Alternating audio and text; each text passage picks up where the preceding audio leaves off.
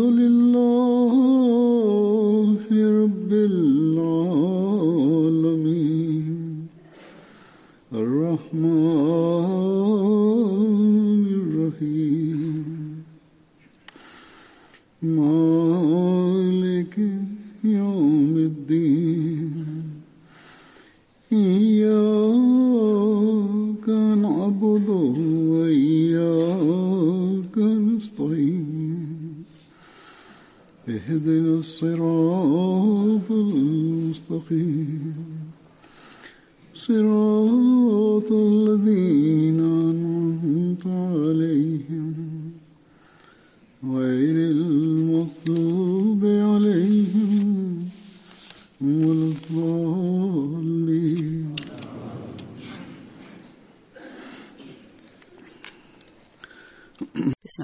الرحيم حضور كاجي ashabi časnog poslanika slovesanem, jedan od njih, Hazrat bin Lafir po imenu, bio je Ansari. Njegova je sreća bila da, da je bio među onim posebnim ljudima koji su učestvovali u bitci na Bedru i Uhudu.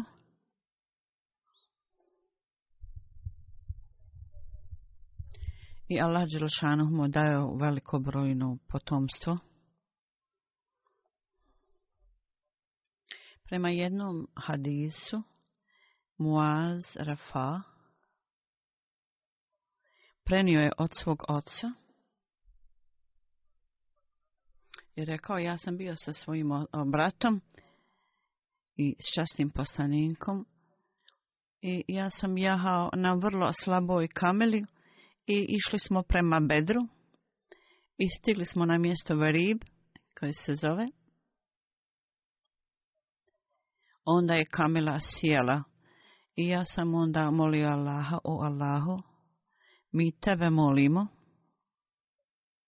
Ako nas osposobiš da se vratimo u Medinu, da ćemo žrtvovati ovu devu.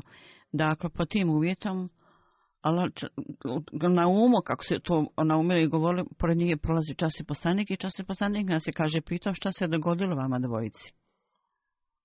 Mi smo mu sve rekli i onda je časni poslanik stao blizu nas i uzeo abdest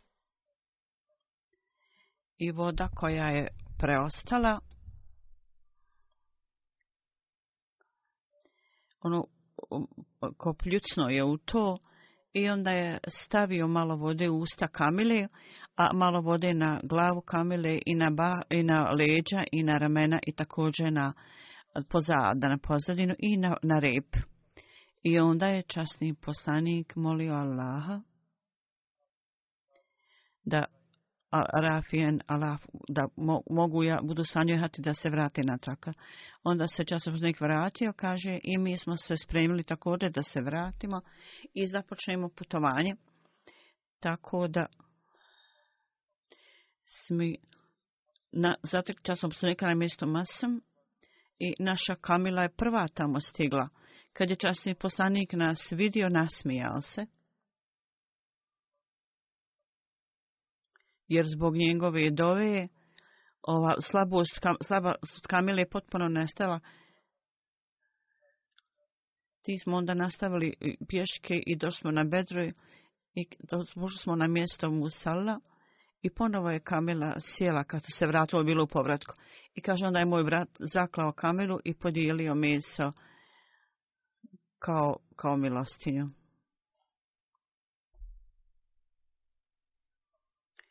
on je, on je e, rekao da, da ako stignemo tamo mi ćemo zaklati Kamilu i u skladu s tim tako su postupili kako su bili rekli.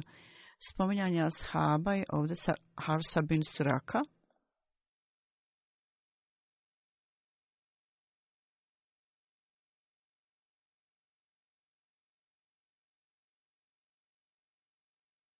Stigli nam bedel.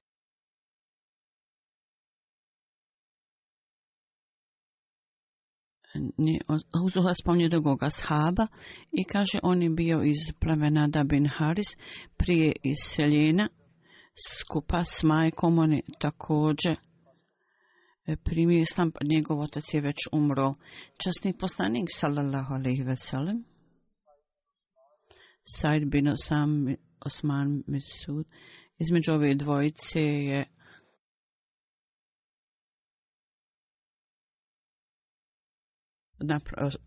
vezao ih u bratstvo.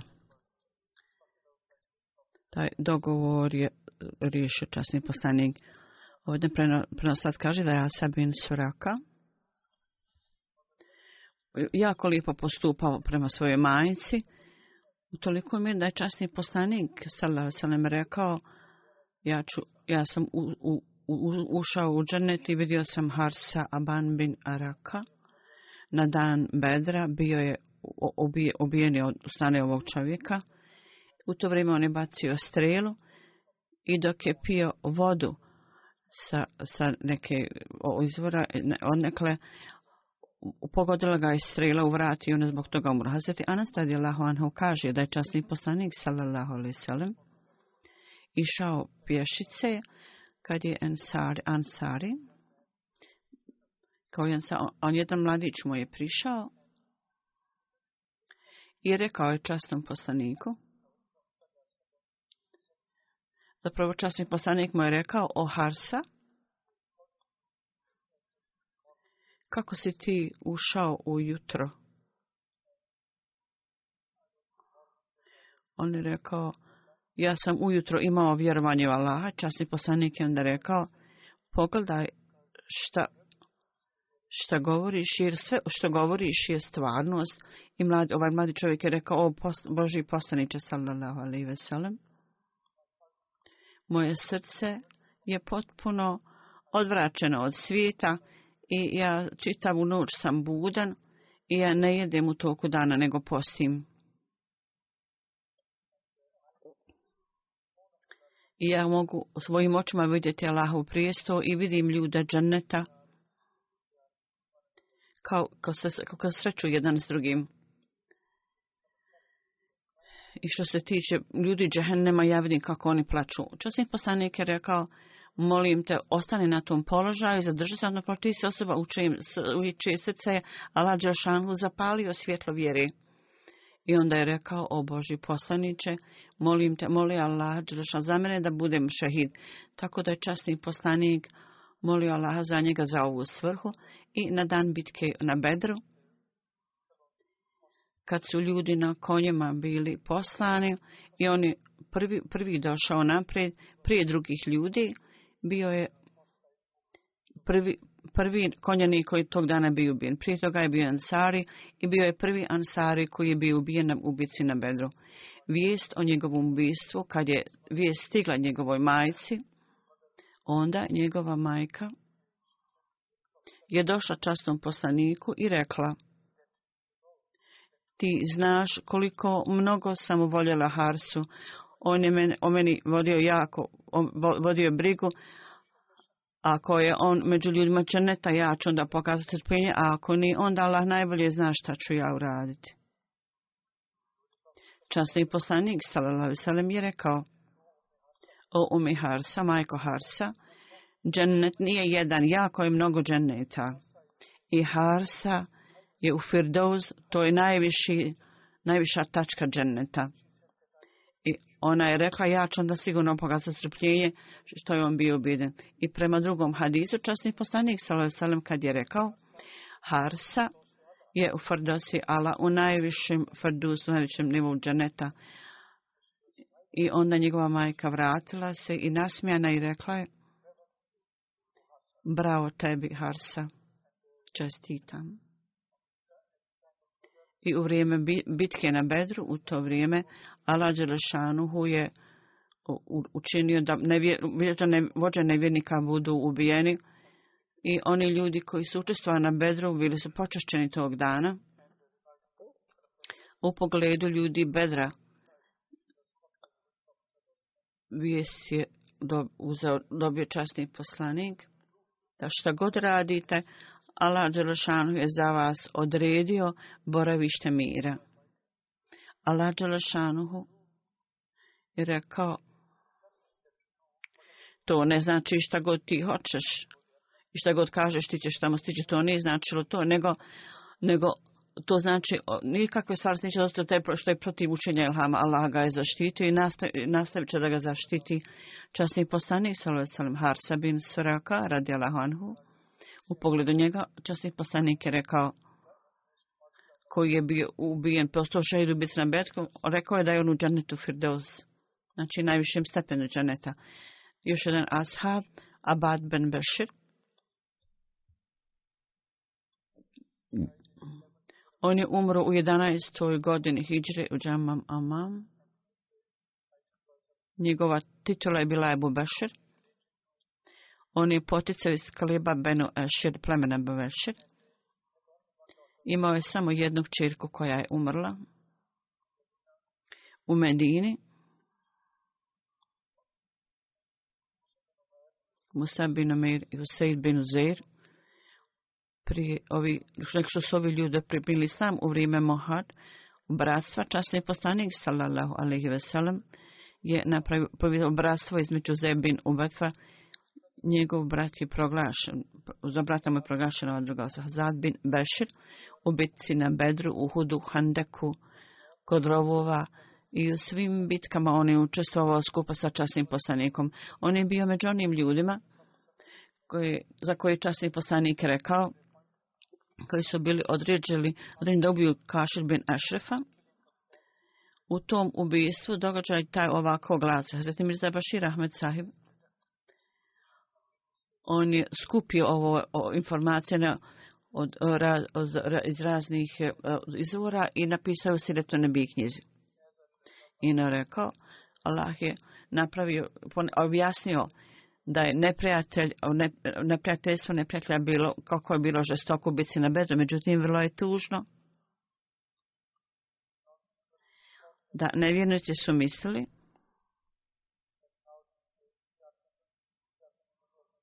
da su ovo ljudi koji će oni su mislili da će ti ljudi uništiti potpuno muslimane, međutim tala se prekrenu u korist muslimana i zbog toga njihovo neprijateljstvo je učinjeno vrlo jasnim, postalo jasno. A za piše, kao, vrlo je tužno da Benu Kanka, da pristarivanje ovih ljudi nije moglo dovesti istini i oni nisu mogli da se uzdrži, da prestanu svoje, svoje, e, svoje, svoje zlobu i proganje. On, ovaj, je bio jevrej, Međutim, nije bio od potomstva je, jevreja, nego je bio Arab. Njegov otac bio Ashraf ben Nabhan. Bio je vrlo pametan čovjek tog plemena. On je došao u Medinu i osnovao je odnosa Ben Azir i postao je s njima partner. I na kraju stekao je tako uticajen položaj da je poglavica ben Nazir Abu Rafa dao svoju čirku u brak sa njemu i Kap je bio rođen iz ovog braka i postigao je viši položaj nego njegov otac i na, na kraju postigao je takav položaj da svi jevreji su ga smatrali svojim poglavicom.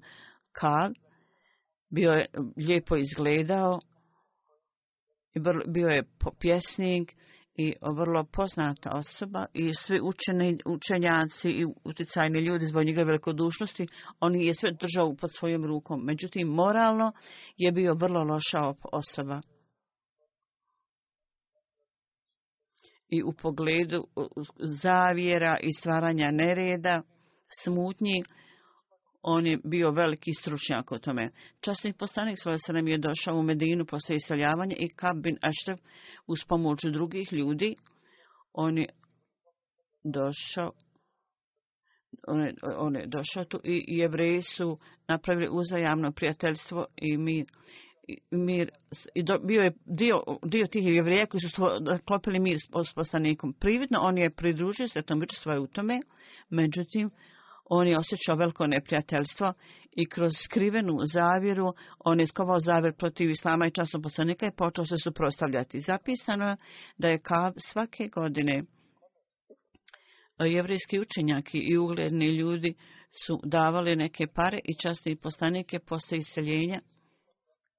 Ovi ljudi, kad su ovi ljudi otišli k njemu da dobiju svoj udio, onda kad je govorio, on je počeo spominjati o časnom poslaniku, spominje časnog poslanika i od tada prema jevrijskim knjigama on je izrazio svoje mišljenje o tome i rekao je ovo prividno izgleda poslanik koji nam je bio običan, običan tako je rekao i kad bi bio bozo u ovom odgovoru i, svi, i kad bi sve ljude prekoravao i otposlao poslao ih natrag. I pa, pare koje su mu trebali dati nije im dao. Jevrijski učenjaci, kad, su, kad im nisu date pare, oni su ponovo otišli kabu ovom čovjeku i rekli su mi nismo razumjeli odlike ove osobe, mi smo ponovo razmislili i shvatili smo da čas je posla nije taj poslanik koji je bio običan, tako da je Kab postigao svoj cilj i bio je zadovoljen i dao, i dao im pare koje je trebao da dadni. Dakle, ovo je bilo religijsko suprotstavljanje, iako je to bilo u vrlo lošem stanju, međutim, ljudi su negirali, porekli religiju. Ovo nije nešto zbog čega neko, neke koraci trebaju biti po, poduzeti, niti se može ka,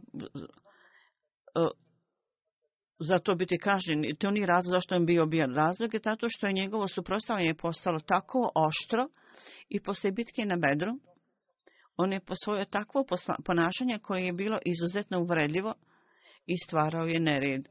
I kao rezultat toga bila je vrlo kritična situacija za muslimane i zapravo prije bitke na bedru Kab je e, razumio da ovo poticanje muslimana je privremeno uzbuđenje muslimana je zapravo privremeno i poslije toga će se oni raspršati i da će se vratiti svoju, vjeri svojih predaka. Međutim, kad je na, u bici na medu od, jedan musliman kad su pobjedili i većina nemuslimanskih vođa bili ubijeni, onda je on mislio da ova nova religija izgleda ne nestaje, nego zapravo postaje sve jača.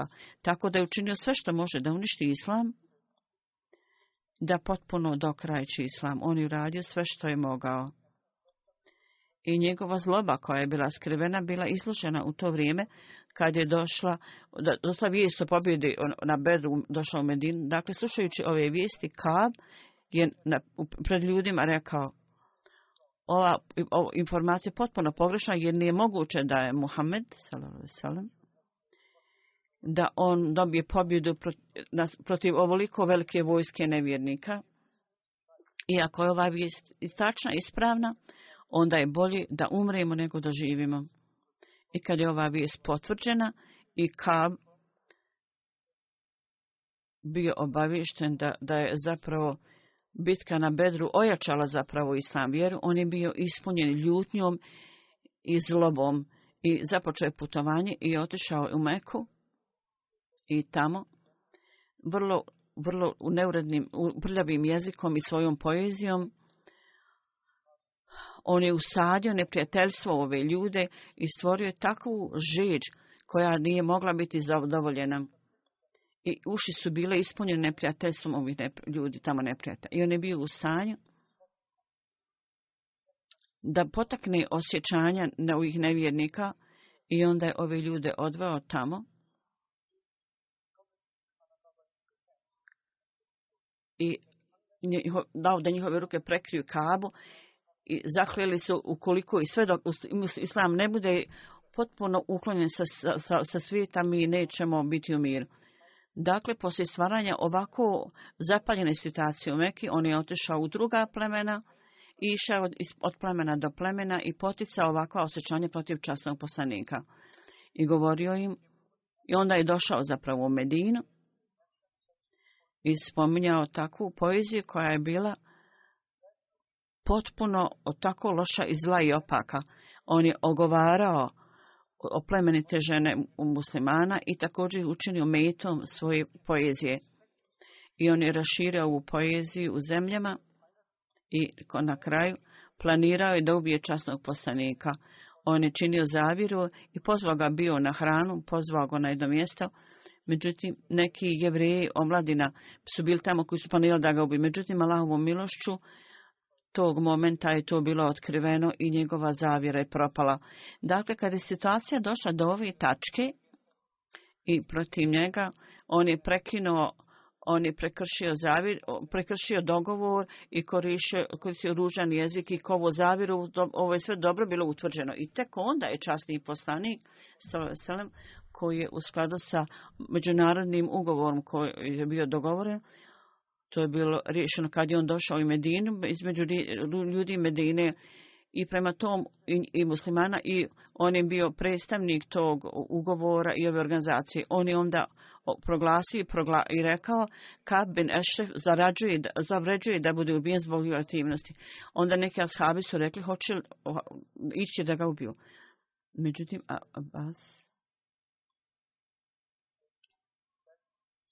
ove loše stvari koje je Kab radio, činio, situacija je zbog toga bila takva da je on u to vrijeme bio ubijen, zato što je stvarao toliko mnogo nereda u to vrijeme u Medini, možda nikad, nikad ne bi znali koliko je ljudi bilo ubijeno u to vrijeme. Tako, zato je časni poslanik Salalave veselem dao sve žrtve, učinio sve žrtve, žrtvova se i želio je da završi, za, dokreći ovo međunarodno prolivanje krvi. Žele se ovo dogodi. Zato je časnik poslanik rekao, kad ti idi, idite, nemojte ga otvoreno ubiti pred drugim ljudima, tako da neki ljudi, da, da, nađe kad nađe odgovarajuće vrijeme da ga jednostavno ubiju. Muhammed bin Muslima ga je povjerena ova odgovornost i od njega je traženo strogo da šta god radiš, sad bin vaz, poglavica plemena, treba da se sa njim savjetuješ. I rekao je, ja treba da izumim neki izgovor. Taj čovjek je rekao tako da ga možemo odvesti na neko tajno mjesto i ubiti ga. Tako da imajući, razmatrajući sve ove stvari koje su se mogle dogoditi u to vrijeme, napuštajući metod nije mog ubijanja koji je moglo biti tamo sve tako muslima savjetujući se sadom uzeo je neke ashabe sa sobom i otišli su u kuću Kaba, Kaba i pozvali ga izvan njegove, unutrašnjost njegove kuće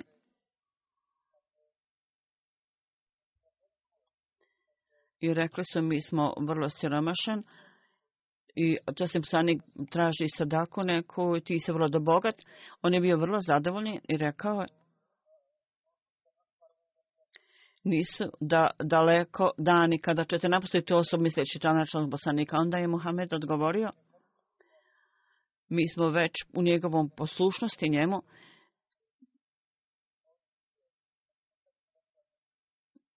i, o, i o, vidjeti šta ti možeš raditi. Kad je rekao, dajte mi nešto u, kao amanetu povjerenje. Ko, pitali su muslimani, ko, šta? Šta bi ti htio? Onda je on rekao, povjerite nam svoje žene. Onda je Muhammed musliman, predsjednik muslimana, je rekao, kako može biti moguće da mi kao depozit ostavimo svoje žene? Onda je Kab rekao, ostavite svoje sinove. Vaši sinovi nam mogu biti kao, dati kao mand, kao povjerenje, kao garancija. On je rekao, ne, to nije moguće, musliman Muhammedova, predsjednik muslimana je rekao. A je rekao je, ako hoćeš, možemo s tobom ostaviti svoje oružje i Muhammed min Muslima i ostali ljudi obećali su da će doći natrag i kad je pala noć oni su došli natrag i sva ova grupa, cijela uzeli su oružje jer pošto nisu mogli sa sobom nositi oružje ostavili su i, i otišli u kuću ovog kaba i odveli ga u stranu i poslije nekog vremena su ga tamo zadržali, držali i ashabi koji su već izvadili sablje, oni su ga ubili i Kab je pao na zemlju ubijen i Mohamed Muslima je otišao i došli su častom poslaniku sallallahu alaihi veselem i obavijestili ga o ovom ubijstvu. Kad je vijest o njegovom ubijstvu se raširila, bio je osjećaj u cijelom gradu, jevreji su bili jako uzbuđeni i onda je delegacija jevreja došli ujutro časnom poslaniku i prigovarali su i rekli naš vođa Kab Nešev je ubijen. Časni poslanik sallallahu i rekao nakon što je čuo sve što oni imaju reći, časni poslanik je rekao, vi znate li vi koju vrstu pristupa je on počinio? Onda je ukratko oni spomenuli o kršenju ugovora i borbi i, i kovanju zavjera i zavjera da ubiju časnog poslanika i sve su one ovo ispomenuli. I nakon što su sve to ljudi čuli, zapravo časni poslanik je ovo nabrajao, onda su oni šutili. I sam neki rekao, tada treba da znate da u budućnosti sarađujete i nemojte sijati sjeme ubijanja i iz stres, potresa. Onda je napisan novi ugovor i jevreji su skupa sa muslimanom napravili dogovor i zavet da će u miru živjeti s muslimanima i da neće ulaziti ni u kakve borbe. Časni poslanik, Salala Veselim, nakon što ih je saslušao, on nije rekao da muslimani nisu ubili ovog, njihovog jevreja, nego je zapravo spomenuo pristupe njegove i prekršaje. I šta je onda vidljiv rezultat toga? To je on spomenuo. Da je on ubijen zbog ovih stvari. I jevreji su također morali priznati da je časni poslanik bio u pravu. I e zato je ovo, ovaj novi dogovor napravljen. Tako da ova vrsta stvari ne smije biti ponovljena ponovo. Onda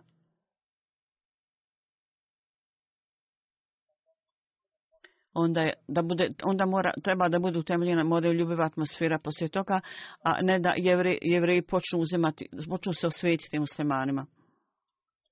Ako da su jevreji smatrali da je ubijanje kaba bilo pogrešno i da je to učinjeno na pogrešan način, onda ne bi šutili, nisu trebali šutiti.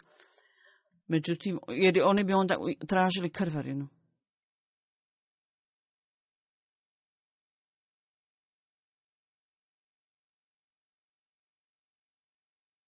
Međutim, ovaj zahtjev nije iznesen i oni su šutili kad im je časni poslanik rekao.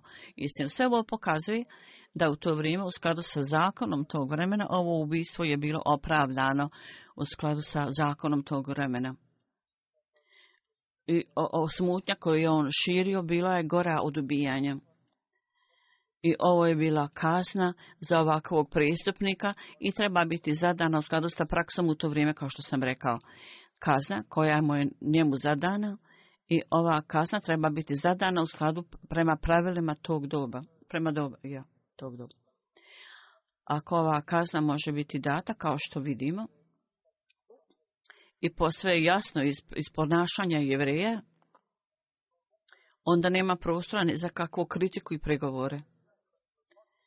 I da to nije bilo ubijeno, onda jevreji nisu trebali postaviti to pitanje, trebali zašto ova kazna nije data otvoreno. Dakle, ova stvar je utemljena, utvrđena da njegovo ubojstvo je potpuno bilo opravdano i da je ovo bila kazna za njegove pristupe. Ova stvar također treba da bude jasna da teroristi danas u ovo vrijeme grupe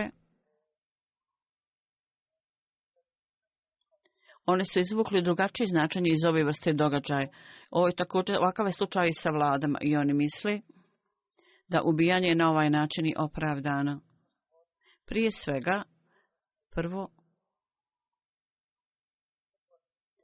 ljudi koji su ubijeni nisu stvaraoci smutnje, koji oni ubijaju teroristi vlade, i nije, nije to onda opravdano, niti bilo koji će plan pamet da oni ubiju, nego oni, ovi ljudi ubijaju žene i nevine ljude i djecu, vlade i ove grupe ljudi krim, ekstremista. I ovi ljudi onda budu ostavljeni u skladu sa zakonom ovih dana ova stvar nije odobrena i u to vrijeme kazna je bila ispravna i pripadala i ispravno je da, u to vrijeme. Časni poslanik Abad bin Bashir pripada Benu Sulim i postani tom plemenu i drugim plemenima da sakupi doprinos i ostaje nekoliko dana i na putu natrag kad je otišao da uzme, da uzme e, nekog plemena, boravio neko vrijeme tamo i vratio se u Medinu. Također ima hadis da je časni poslanik Salam Abad bin Bashir. Bio je upravljač u vrijeme kad je dijeljenja plina posljedne bitke i također je bio u bezbjednosti časnog poslanika. I on je vrlo istaknut ashab Azet Ajša je spomenula da tri ljudi od Ansara su bili vrlo istaknuti, da niko, nikom drugom ne može dati prednost na njima ovo troje ljudi, on, svi, oni su, su bili iz Ben Esher plemena Sad bin Moaz, Hazret Hussein bin Ber i Hazret Ibad bin Bashir. Hazret Ibad bin Bashir prenosi da je časni poslanik sallallahu alaihi veselem obraćajući se Ansar rekao o grupo Odra an Ansar to su ljudi preko 52 godine vi ste kao moja unutrašnja odjeća ovo su ljudi koji su nalik na one na one na ogrtače koji se odjevaju preko toga. On kaže, ja sam zadovoljan da od vas ja neću dobiti ništa ne, neugodno. Abab bin Bešer u, u bitke, za 55 godina je bio ubijen. Tajša, kaže da je časni postanik, sallallahu alaihi obavljao tahadžud namaz, kaže, u mojoj kući. I poslije toga je čuo da Abad bin Bešer, koji je obavljao namaz u džamiji, da se poslanik je pitao, je li to Ibad, Ibadov glas, on je kao jest. I onda je časni poslanik molio Allaha, o Allahu imaj milost prema Iba Abad.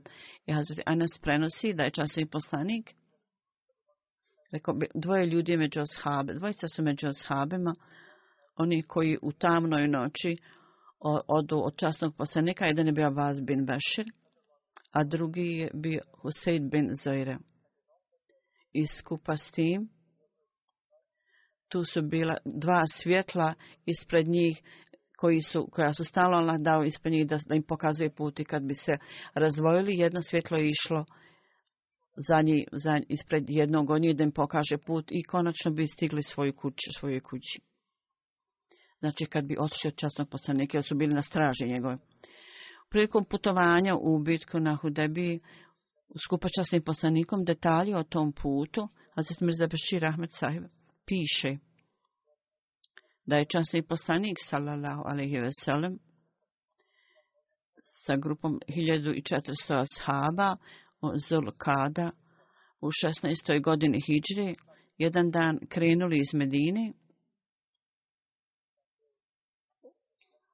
i na ovom putu njegova žena Hazret Umir Salma bila je s njim.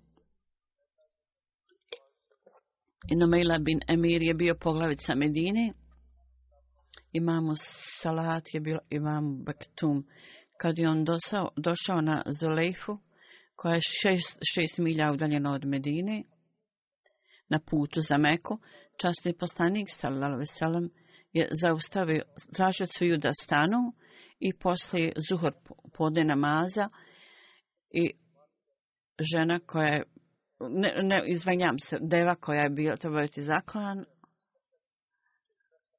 i tražio smo kod žena da obuku posebno odjeću za hađ, što je i hram, odjeću za, za hađ i hram, je također obukao i hram i u skladu sa situišem Ni znao o smo, da li planiraju neku smutnju i osoba koja je treba donese obavije Sufijanu koji je bio iz plemena Kuza on je živio vrlo blizu Meke. On je njega onda dalje poslao naprijed i polako počeli putovati. I Abad bin Bešir je bio osoba koja ih je predvorila. Bilo je 20 ljudi skupa s njim. I kad su poslije nekoliko dana putovanja stigli do najbliže tačke, koja je samo dva stepena od Meke, onda osoba koja je trebala donijeti obavješenje je rekao da ljudi Meke su vrlo uzbuđeni i žele da te zaustave. Bilo, bilo kako bilo, u, oni u svom uzbuđenju odjeli, odjenuli su kožu leoparda i kaže želi da se, oni hoće da se bore i da zaustave muslimane. Neki ljudi pod komandom Halid bin Velid, koji još nije bio musliman, ta grupa je poslana u naprijed u jednoj grupi i ova trupa je došla vrlo blizu musliman i Kema bin Ebu Džehel je također bio među njima. Ova je njemu ova vijest bila data. Časni poslanik kad je čuo ovu vijest, tako da s ciljem da izbjegne bilo što loše da se dogodi, rekao promijenite put, idite s desne strane i onda krenite naprijed. To je bila teška putanja, međutim bila je bliže moru. Oni su tamo onda stigli i konačno stigli u Meku, blizu Meke i onda se dogodio ovaj događaj na Hudebi i također poslao nekoga naprijed u, da, da, da dobije obavještenja. On je bio vrlo pouzdan, a sad i poslanik je bio imao veliko prenjevnje u njega. Zabin bin Bešir na Hudebi koja je poslana kao Rezvan. On je bio među onima koji su bili prisutni. Ima jedan događaj vezano za to. Časni poslanik Salasalem jedne noći zastao na jednom mjestu. U to vrijeme buvao jak vjetar i časni postanik je bio na vrhu neke uzbrdice i rekao je, ko je tamo, ko će stati, stajati kao straža znamen Abad bin Bešir radijalahanu i Amar bin Jacir su ustali i rekli su, mi ćemo stajati kao tvoja straža večeras. Poslije toga sjeli su na vrh tog, u, tog u, brdašceta i e, bržuljka i onda je ovaj dan rekao ja ću stajati prvi, a ti u drugom dijelu, onda ti dođi kao straža, ja ću onda spati, Dakle, da nas menu čuvaju. Amar bin Jasir je otišao spavati i Abad bin Bešir je počeo obavljati namaz i u toj oblasti časni poslanik sallallahu alaihi veselem zbog toga što je prolazio, prolazile su žene valja,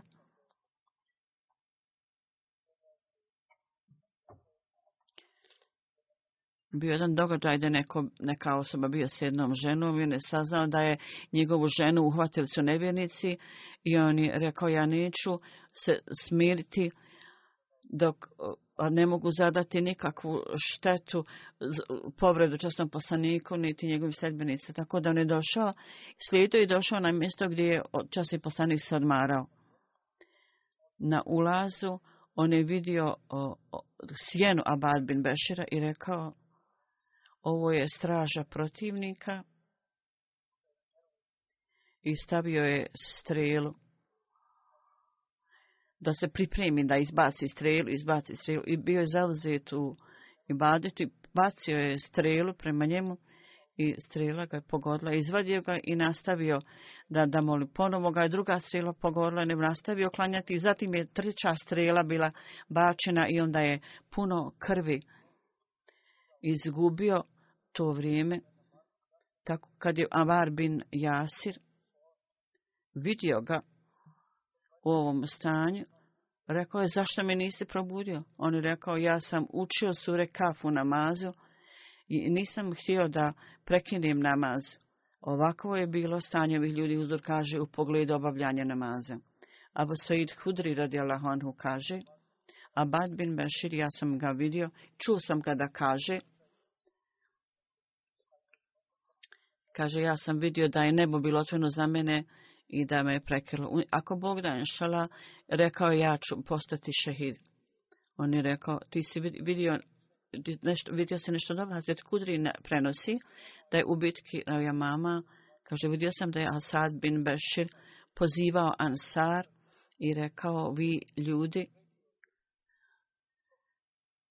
rasporite svoja ogrtače sabljom, izabrao je 400 ljudi, Abad bin Bešir Abadadžana i Baraban bin Malik bili su ispred ovih ljudi. Oni su došli Babul Hadika i ispunili, o, ispunili bojno polje. Abad bin Bešir je bio ubijen i kaže, ja sam vidio jako mnogo rana na njegovom licu po njegovom tijelu sam ga samo mogao prepoznati. I onda Hazret Sabat radi Anhu, Sabat bin Revija, on je bio Ansari. njegovo spominjanje je također tu da je Savan bin Revija bio iz Banu Najjar plemena na Bedru, Hudu i biti kod Rova i drugim ekspedicijama oni je uzeo učešće i Halid bin Hisham, bio tamo zarobljen. U jednom hadisu je spomenuto da časti i poslanik, sallallahu alaihi veselem, bio vođa na Hajber, upravljač, i otamo je donio vrlo dobre hurme.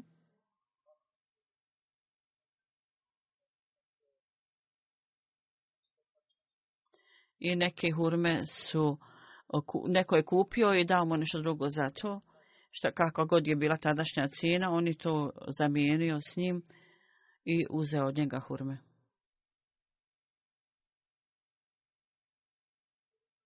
Hazret Mirza Bešir Ahmed Sahib u knjizi Siretiz on piše ovaj događaj i kaže Savad je imao sreću i, spom, i njegovom iznošenju je spomenuta ljubav prema poslaniku.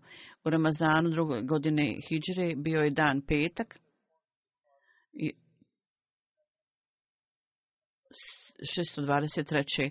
Kao obavljali su jutarnji namaz i u toku tog perioda na otvorenom oni su klanjali Bajram i časni postanik sallallahu alejhi je održao govor o džihadu i onda pokazujući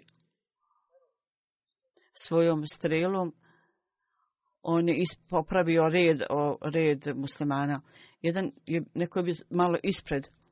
Tako on je dotakao strilom ovog čovjeka i pokazao mu da treba da se malo vrati. I slučajno je dotakao ga časni postanik strelom u prsa. Ova čovjek je rekao, o Boži postaniće, Allah te je poslao sa istinom, a ti si me povrijedio tako što si me tom strilom, tim štapom strili dotakao. udario si me s tim strilom bez ikakvog opravdanja i ja hoću da se osvetim. Na to je ashabi su bili jako iznenađeni na to što se dogodilo Suadu. Pitali su se, međutim, časni poslanik je vrlo milostivo rekao, u sad jeste ti također mene udari istom vrstom strele. Časni postanik, salala i veselim. podigao je svoju košul naprijed i Savad ga je poljubio je časnog postanika. I časni postanik je rekao, Savad, šta ti misliš o ovome? I on je na vrlo emotivnim glasom rekao, mi se suprostavljamo sa neprijateljem i ja ne znam hoću se ja vratiti živ ili neću. Ja želim da, da želim sam da po, poljubim tvoje tijelo prije smrti. Na to je časni poslanik molio za njega, za njegovo dobro, šta god je dobro za njega. Ovi događaj koji pokazuju ljubav i naklonost prema častnom poslaniku, vrlo neobične stvari su tu dogodile se i Koaša, jedan događaj također i ovoj od vrlo ranog perioda i svaki put oni su tražili priliku da dobiju neko, do neke prilike da pokažu svoju ljubav prema časnom poslaniku i da to proglase i pokaže, pokažu. Da, da, I također da želi su da bude u časnom poslaniku, prije časnom poslanika da steknu blagoslov. Da la nastavi da udrži položaj ovih ashaba i da mi također, da nas osposobi da mi razumijemo ovu ljubav prema časnom poslaniku i da budemo u stanju da to razumijemo, shvatimo.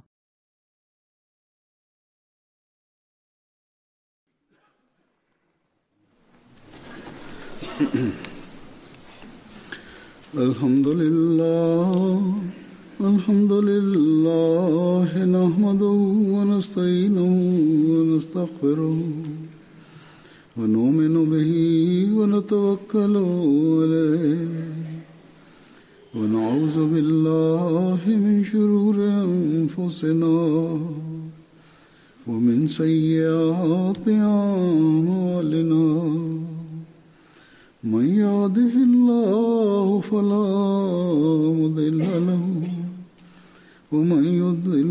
فلا هادي له ونشهد